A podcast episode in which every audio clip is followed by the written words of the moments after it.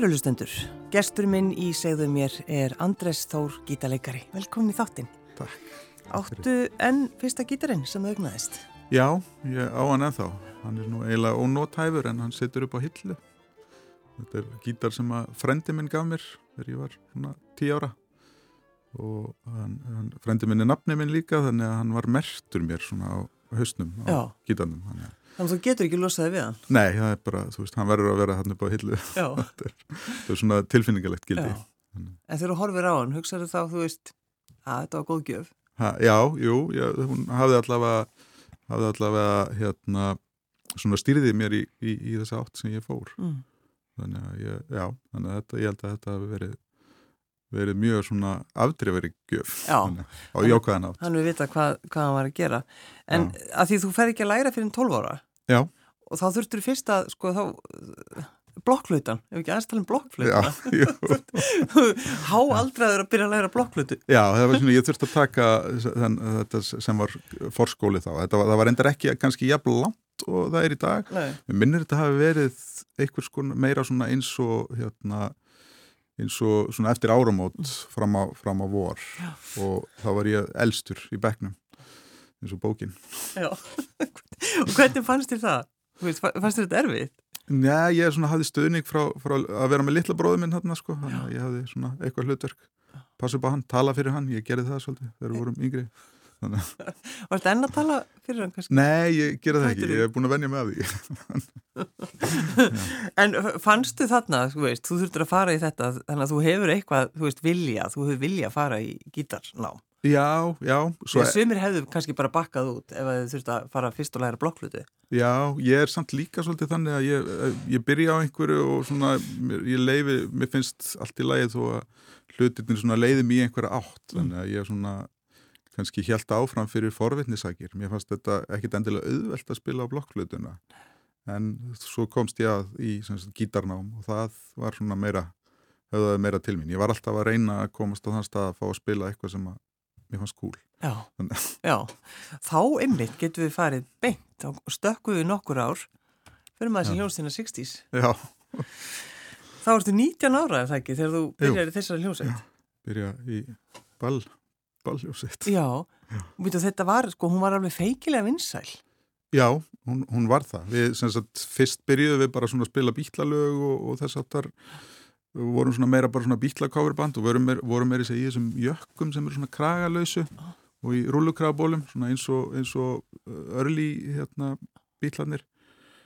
Hérna, já, svona fyrstu, fyrstu bítla, fyrsta bítlalúkið og hérna og- síðan hérna og vorum bara svona að spila á einhverjum stöðum út um all land og svo svona það hafi verið í rauninni vorið eftir að ég byrja ég byrjaði svona einhvern tíman í, í november og svo vorið eftir þá fór Rafn Jónsson að hafa samband við okkur og vildi gera plötu með svona íslenskum að svona, svona 60s lögum. Já, þú tala um, þú tala um rappa Já, Rafn Jónsson heitinn og, og, þannig að hann hefur hlustað á ykkur einhvers þar og, og, og fengið þessa hugmynd Já, ég, senn, já, sennilega. Ég, ég vissi í rauninni aldrei hvernig kom til að hann bara vissi af okkur, sko. Þannig að, þetta varði og hann kallaði okkur inn í stúdíóðu sem hann var að rekka og, og, og sem sagt, tók okkur upp og, og gaf okkur út. Mm. Við, við vorum sjálfur svona bara, vissum ekki alveg hvort þetta myndi ganga eða ekki, sko. Svo bara gekk þetta voða vel. Var það ekki eitthvað þannig þegar þið voru búin að gefa, gefa út plötuna þið voru eitthvað svona, já hver allir kaupi Að- kaupir einhver þessa plötu? Já, við, voru svona veðmál. Já, það var svona veðmál sko, það sem að við, við, við sátum og, svona, og, og, ákvaðum að hver og einn mátti svona giska á hvað, hvað hann myndi seljast. Og ég var það ungar og ég vissi ekkit hvað plötur se- seldust Nei. í mörgum eintökum, ég var ekkit að pæli því. Þannig að ég giskaði á, ég man ekki hvað, hvort ég hafi sagt 5.000 eða eitthvað og þeim fannst ég alveg með eitthvað stjartfræðilega tölur Já. og svo enda hann á að seljast held í 10.000 eintökum á fyrsta árinu þannig að þetta var, það var svona eitthvað, allavega ég var næsti, ég vann veðmálið, við getum sagt það þannig. en eh, sko, af hverju allir þetta hefði orðið svona vinsælt? Ég veit ekki, ég held að þetta hafi, það var náttúrulega svona ákveðin nostalgía sem fylgdi þessu sem að uh, hefur sennilega höfða til fólks sem að var af þessari kynnslóð og svo veit ég líka svolítið að, að, að svona ungum krökkum höfðu gaman að þessu sennilega bara því að það er svona einhver leikleði og, og þetta eru oft svolítið svona hvað sem er, svona kvörki lög mm. þetta eru svona hérna svona tekstar sem að eru hérna kannski bara pínu hnittnir og svona svolítið stuð já, já. ég held að það, það hafi öruglega haft eitthvað að segja Já og lögin öll svona frekar stutt Já. Og þið spiluðu, er það ekki rosa hratt alltaf? Ha, jú, já. þetta var svona mikil orka, já, við vorum svona orku mikið band, þetta var svona, hérna, já, örir, ör, örir drengir. Sko, þannig er þú 19 ára og, og það er bara, veist, rú, rúta og, og fara og ferðast út um, já. bara út um all land, er það ekki? Jú, ég bara... Og hvað sögðu fóreldrar þínir um þetta allt saman? Þau voru svona frekar afslöpuð með þetta ég, hérna, ég hafði alltaf verið svona frekar ábyrgur sem, sem unglingur og svona uh, þú veist ef við bræðunir vorum eitthvað starf Veist, þá, þá ringdi ég og létt vita hvað er værum og svona þannig að ég, svona, ég held að það hefði treyst mér alveg, alveg nokkuð vel. Já, þú talaði fyrir bróðin, passaði hann. Já, já, svona þegar við vorum yngri hann, hann, svo, hann, svo, hann hefur alveg sperað sig. Og svo hvað, þú varst ekki að drekka heldur þannig að Nei, já, já. þannig ég var, ég, það hefur sennilega ítt undir hérna, hérna tröstið mm. líka á þessum tíma þannig að það var bara já ég byrjaði seint að því og sem betur fyrir var ég ekkert að því í þessum bransa. Það hefði sennilega ekki, ekki gert manni gott. En hvað, hvað var, var, var þetta langur tími þar sem þið voru bara á sveitaböllum út um allan bæ? Sko við byrjuðum, þetta var ný, já, þetta var hérna svona í, í, í lokárs 94 heldur sem ég byrjaði bandinu, ég held að það verið 95 sem að hérna platan kom út og við erum vinsælir mm. og ég í rauninni ég hætti í bandinu ég held að sé vorið 90 eða við, já svona eftir árum átt 98 minni mig mm. þá var ég sem sagt nýbúin að eignast dóttu mína sem er með 25 ár í dag þá, og hérna þá langaði mér svona einhvern veginn að einbeita mér að hérna jazzhliðinni og fara að svona klára það nám sem að mér böðist hérna og reyna að komast til útlanda í háskólana. Þannig að, Þannig að þú varst með alls konar drauma. Já, já, ég var, ég var með það. Ég, og langaði að komast einmitt að búa mm. Erlendis og eitthvað svona og kannski það eignast badd gerði það verkum að ég vildi bara hérna svona svolítið setja fókus á þá drauma og reyna að láta það að reytast Og svo náttúrulega kannski þú lærði líka svolítið mikið á, hérna, í landafræði, er það ekki þú varst með hljónstinu 60's? Jú, Já. þá hérna loksins svona áttæði með á því hvaða bæir eru fyrir norðan, hverjir eru fyrir vestan. Já, akkurat. Þannig... Það væri svolítið gaman sko að þið verðum búin að tala svolítið um 60's að þess að heyra eitt lag bara Já. stutt. Já. Þetta er Viltu dansa? Já. Þetta er tveggja mínúna lag. Já, Þetta var rosa vinsælt. Já, þetta var það. Og bara við spilum þetta margóft á böllum. Já, og var þetta þá einmynda eða eitthvað sluðis og allir dansuðu Já, ekki? Ég hef myndið að hugsa hvort að við já, hvort við hefum eitthvað náða lengja eða eitthvað með að endur taka viðlægið mjög oft. Heyrðu, áðurna við tölum yfir all lægið, skulum aðeins heyra það. Já. Út á gólf er allir allir dansa nema við. Kondur líka með í shake. Kond og verðu ekki setið kyn? Hvernig getur þú setið kyn? Hvernig getur þú setið kyn? Hvernig getur þú setið kyn? Allir dans og djama dátt Dans og shaka möllum átt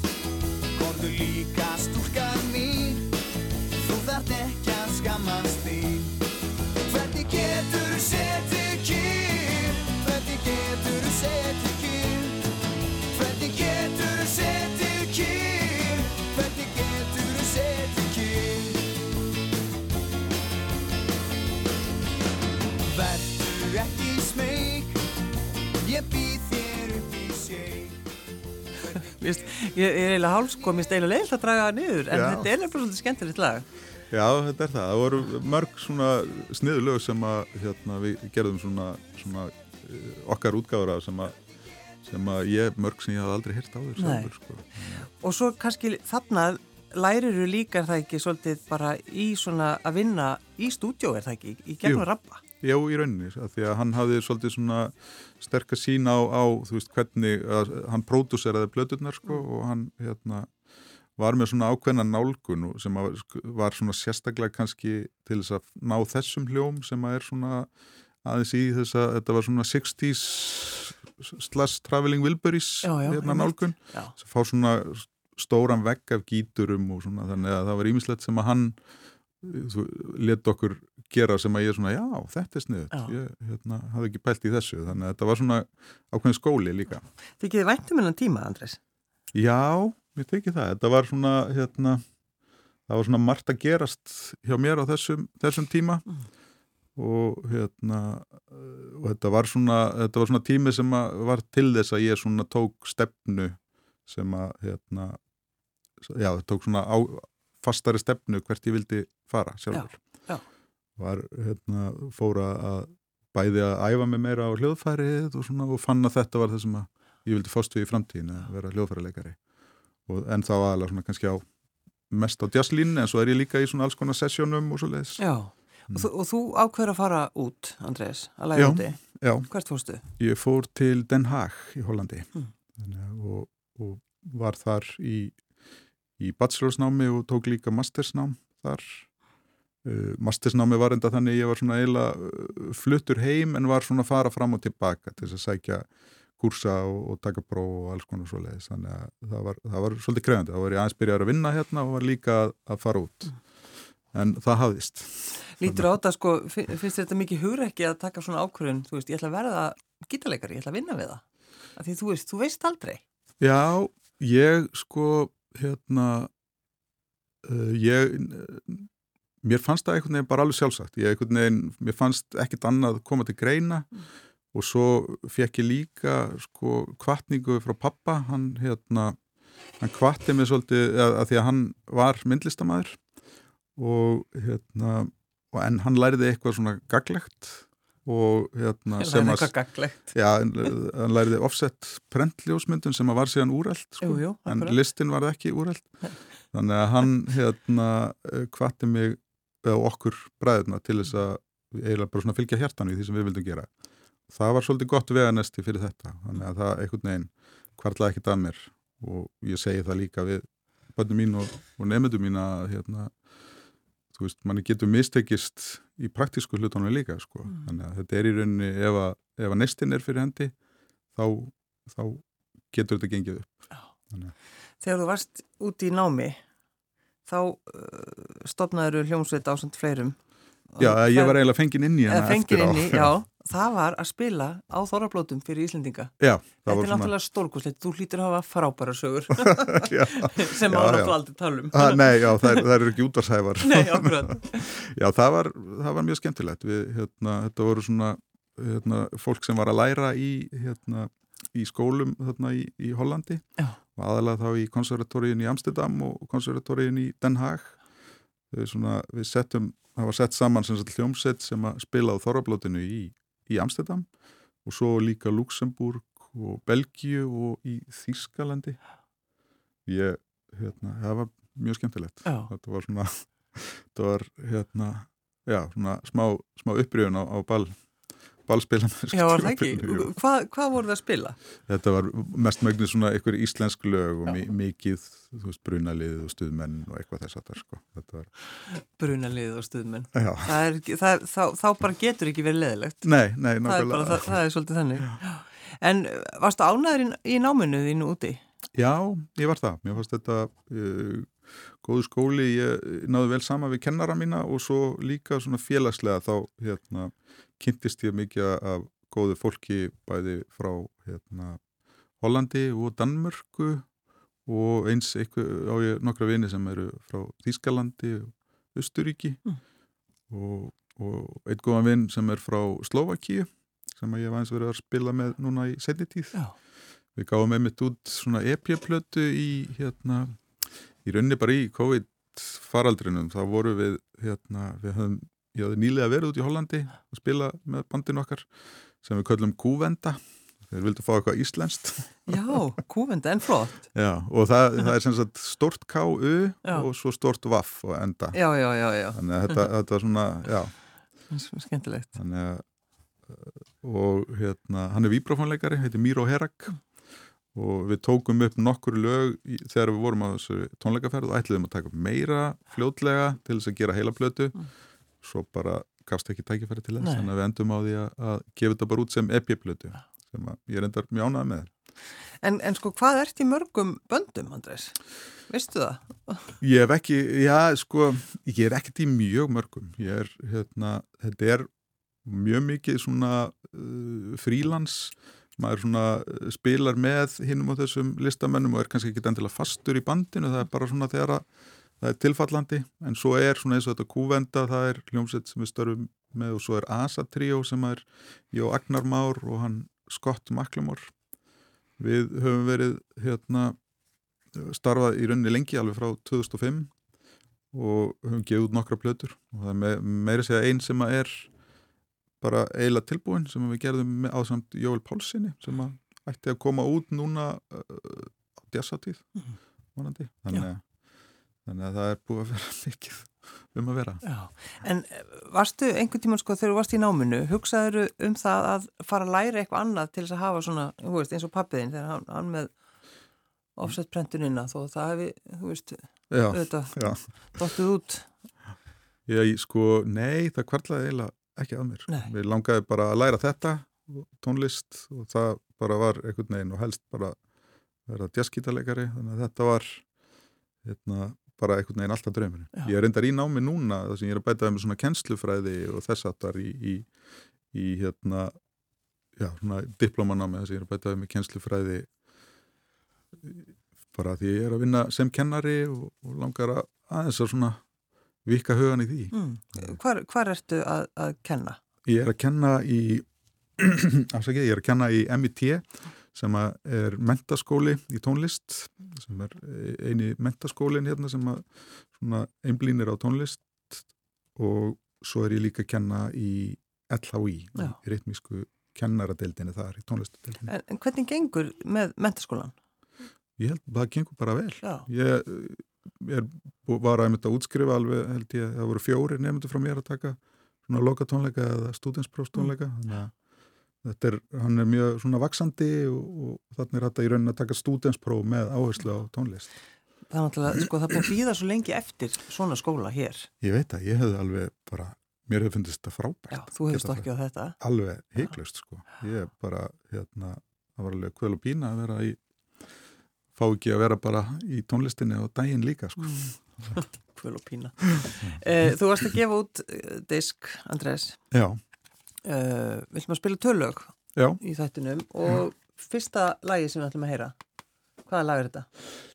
December Cucumber þetta er hérna þetta er í rauninni ég samti þetta einhvern desember, ég man ekki alveg hvenar en ég er sem sagt bara skrifa stundum bara nöfn á lögum þegar ég er að skrifa niður nótunar, gerir bara eitthvað. Já. og á þessari blötu þá ákvað ég ætla bara að halda öllum fyrstu titlunum að því að þetta er instrumental og svona. Og ég tengi aðeins við þetta því ég er sko fættur í desember 27. desember, þannig ég er svona einhvern veginn milli jóla og nýjárs þannig að afmæli mitt er alltaf svolítið svona á skrýtnum stað. Já, þannig að þetta er svona smá svona gúrkutími til þess að eiga afmæli það er í rauninni þetta bara mjög erfiður tími að eiga ammæli mill jól nýjás. já, já, en ég reyni, ég reyni að- væla ekki ómikið Nei, þú ert bara alltaf þakklatur fyrir ótt ammæli. já, já, Er það er er alltaf gaman sko. það er erfiðar að halda veislur sko, Jú, en jú. ég maður kannski reynir, reynir aftur Já, en við skulum hlusta þetta lag.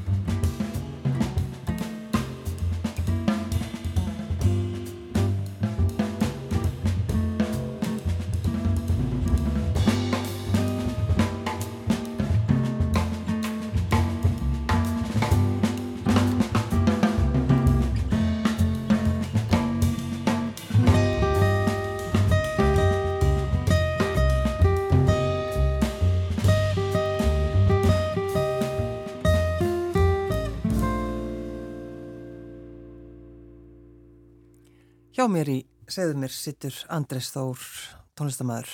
Uh, hver eru með þér þarna í þessu tríói? Þetta er hann Magnús Tryggvason Eliasson, trómuleikari og Nico Moreau, þetta er er Mm. franskur bassaleikari sem hefur verið svona ílingdist hérna í hérna síðustu tvö árin. Já, Þannig. já.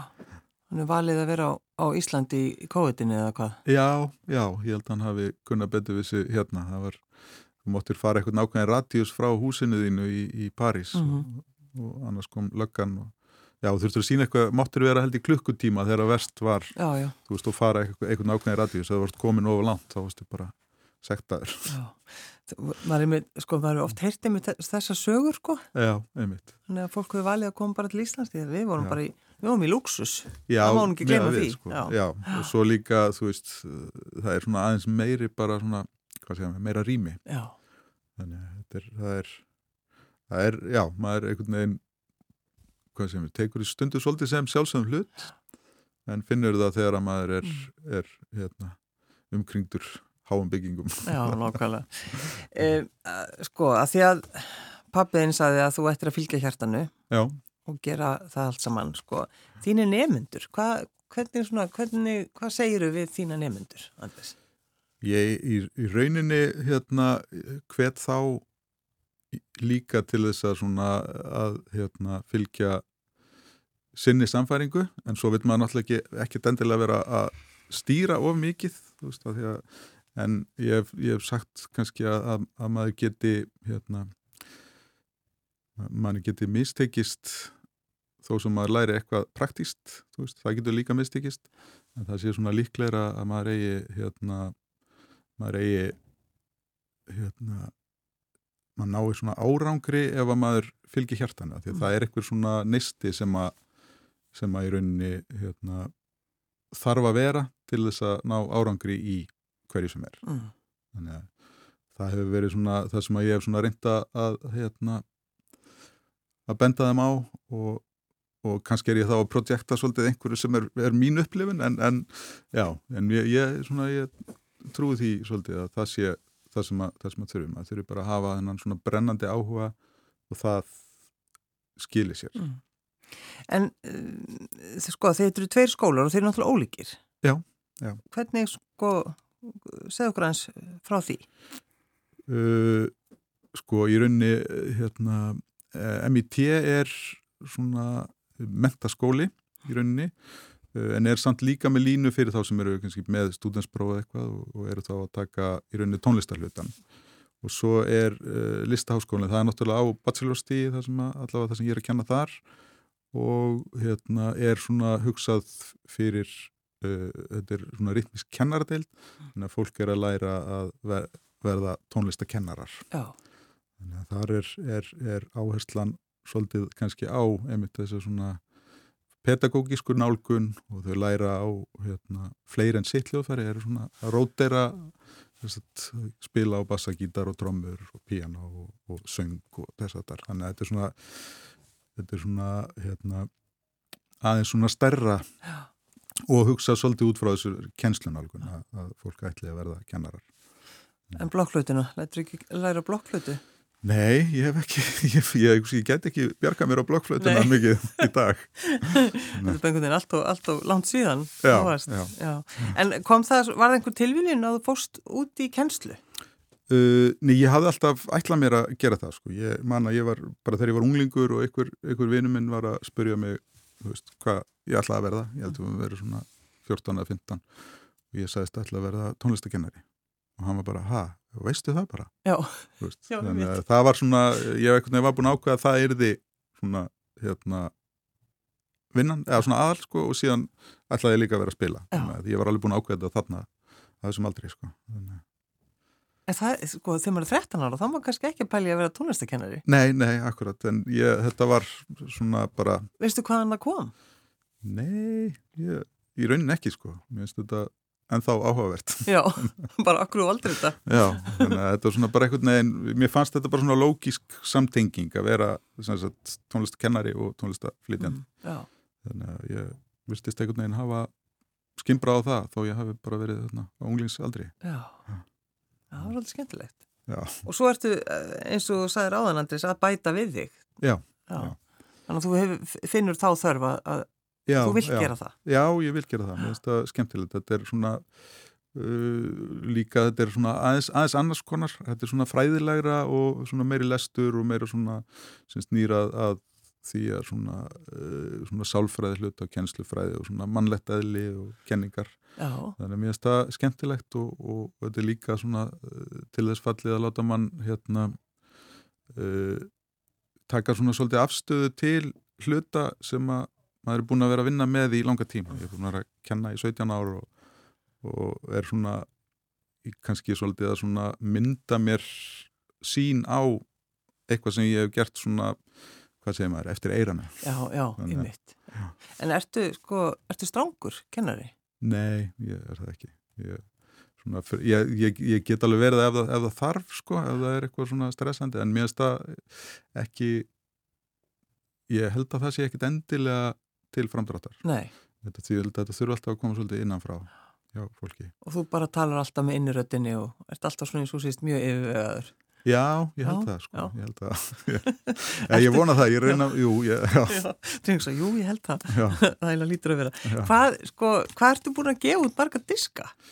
Ég held að þessi diskur sé sjöndi svona í mínu nafni en svo hefur verið duglegur í alls konar svona samstarfsverkefnum. Það er svona eh, bæði með Asatríó og, og, og, og svo eins gerðum ég og Agnar Már Magnússon dúaplötu þar sem við spiluðum Jóns Múla lög núna síðasta ári. Alveg rétt, já. Að það er svona, já, það, ég, það, já, ég er ekki alveg með tölu yfir, þú veist, alla í, í heild, sko, Nei, í svona hljómsutum og samstagsverkefnum, sko, en allavega ég er búin að gera sjö Já, sjálfur. Það sem að nafni þitt er frá Já, það sem er svona mín, mín, mín sólóverkefni og sem ég er svona annarkvort segja um alla tónlistina eða svona útfæri. Mm. Ertu alltaf með gítaran á bækinu? Mjög mikið Já. og tengdapappi minn heitinn, hann gerði svolítið grínaði ég var að, þegar ég og kona mín vorum að kynnast þá vorum við að fara að hittast í bíó og ég var að koma og ég var alltaf með gítarinn á bakinu mér skilst að hann hafi leiði svolítið að því Bara, ætlar hann aldrei að sleppa þessum gítar. en þú ætlar að halda tónleikar það ekki í kvöld? Jú. Halda upp á þetta? Já, ég ætla svona að fagna þessari, þessari útgáfu Já. og hérna við verðum í, í, í björtuloftum í hörpu og þetta er á vegum hérna jazzklubsins Múlans Já. þannig að það verður bara góð stemming, útsýn yfir höfnina og barinn opinn Þetta er uh, svo skemmtilegu staður Já, líka. Halda að, fara á tónleika þarna. Það er bara frábært. það er það sko þetta er enn og aftur maður svona einhvern veginn þetta er ekki sjálfsagt að hafa að vera með tónleikstað með svona, svona bakgrunn Nei, nei, nákvæmlega. Með svona, svona bakgrunnsútsýni Þannig að það er svona, þið líður vel í dag, þetta er svona góðu dagur, bæði náttúrulega Já. afmælistagur dóttiðinnar og svo að, að fagna Já. þessu. Já, Já, já ég, það var svolítið gaman að þetta skildi lenda á þessum degi sko. Hún, Dóttir mín er reyndar, hún er úti í, í, í Danmörku núna og þannig að ég, hún, við erum ekki að fara að halda upp á þetta saman fyrir bara hún kemur næst til Íslands Mm. þannig, að- en hérna já, þannig að ég held bara tónleika í staðin já. Uh, við ætlum að spila svo lag í lokin. Já. Hvaða lag er þetta? Þetta er lagið Gagarin og þetta er ég, þetta er sem sagt hérna, ég var í hljómsveit þegar ég var unglingur sem var svona fyrsta hérna, í rauninni svona fyrsta hljómsveitin þar sem ég var svona að gera tilraunir og við vorum að gera tilraunir með að spila eitthvað sem að var jazzlegt Mm. og vorum að semja músíkina sjálfur kunnum nú eiginlega engan jazz og langaði að spila jazz og svo hljómsveit hétt Gagarin Já, þannig að þetta er svona smá hérna, hvað segir maður, þetta er svona já, það var eitthvað við þetta lag sem að sem að fekk mig til að hugsa um þann tíma. Andrés Þór, tónlistamæður og auðvitað gítarleikari. Já. Takk fyrir að koma. Takk sem leiðist, takk fyrir mig.